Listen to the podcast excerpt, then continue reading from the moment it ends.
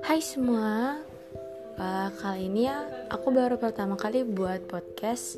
Dan aku tertarik buat podcast karena menurut aku itu orang yang membuat podcast adalah orang yang ingin membangun orang lain. Maksudnya itu kayak kita menyadarkan orang lain bahwa sebenarnya contohnya dia itu cowoknya nggak peka atau gimana dan lain-lain sebagainya.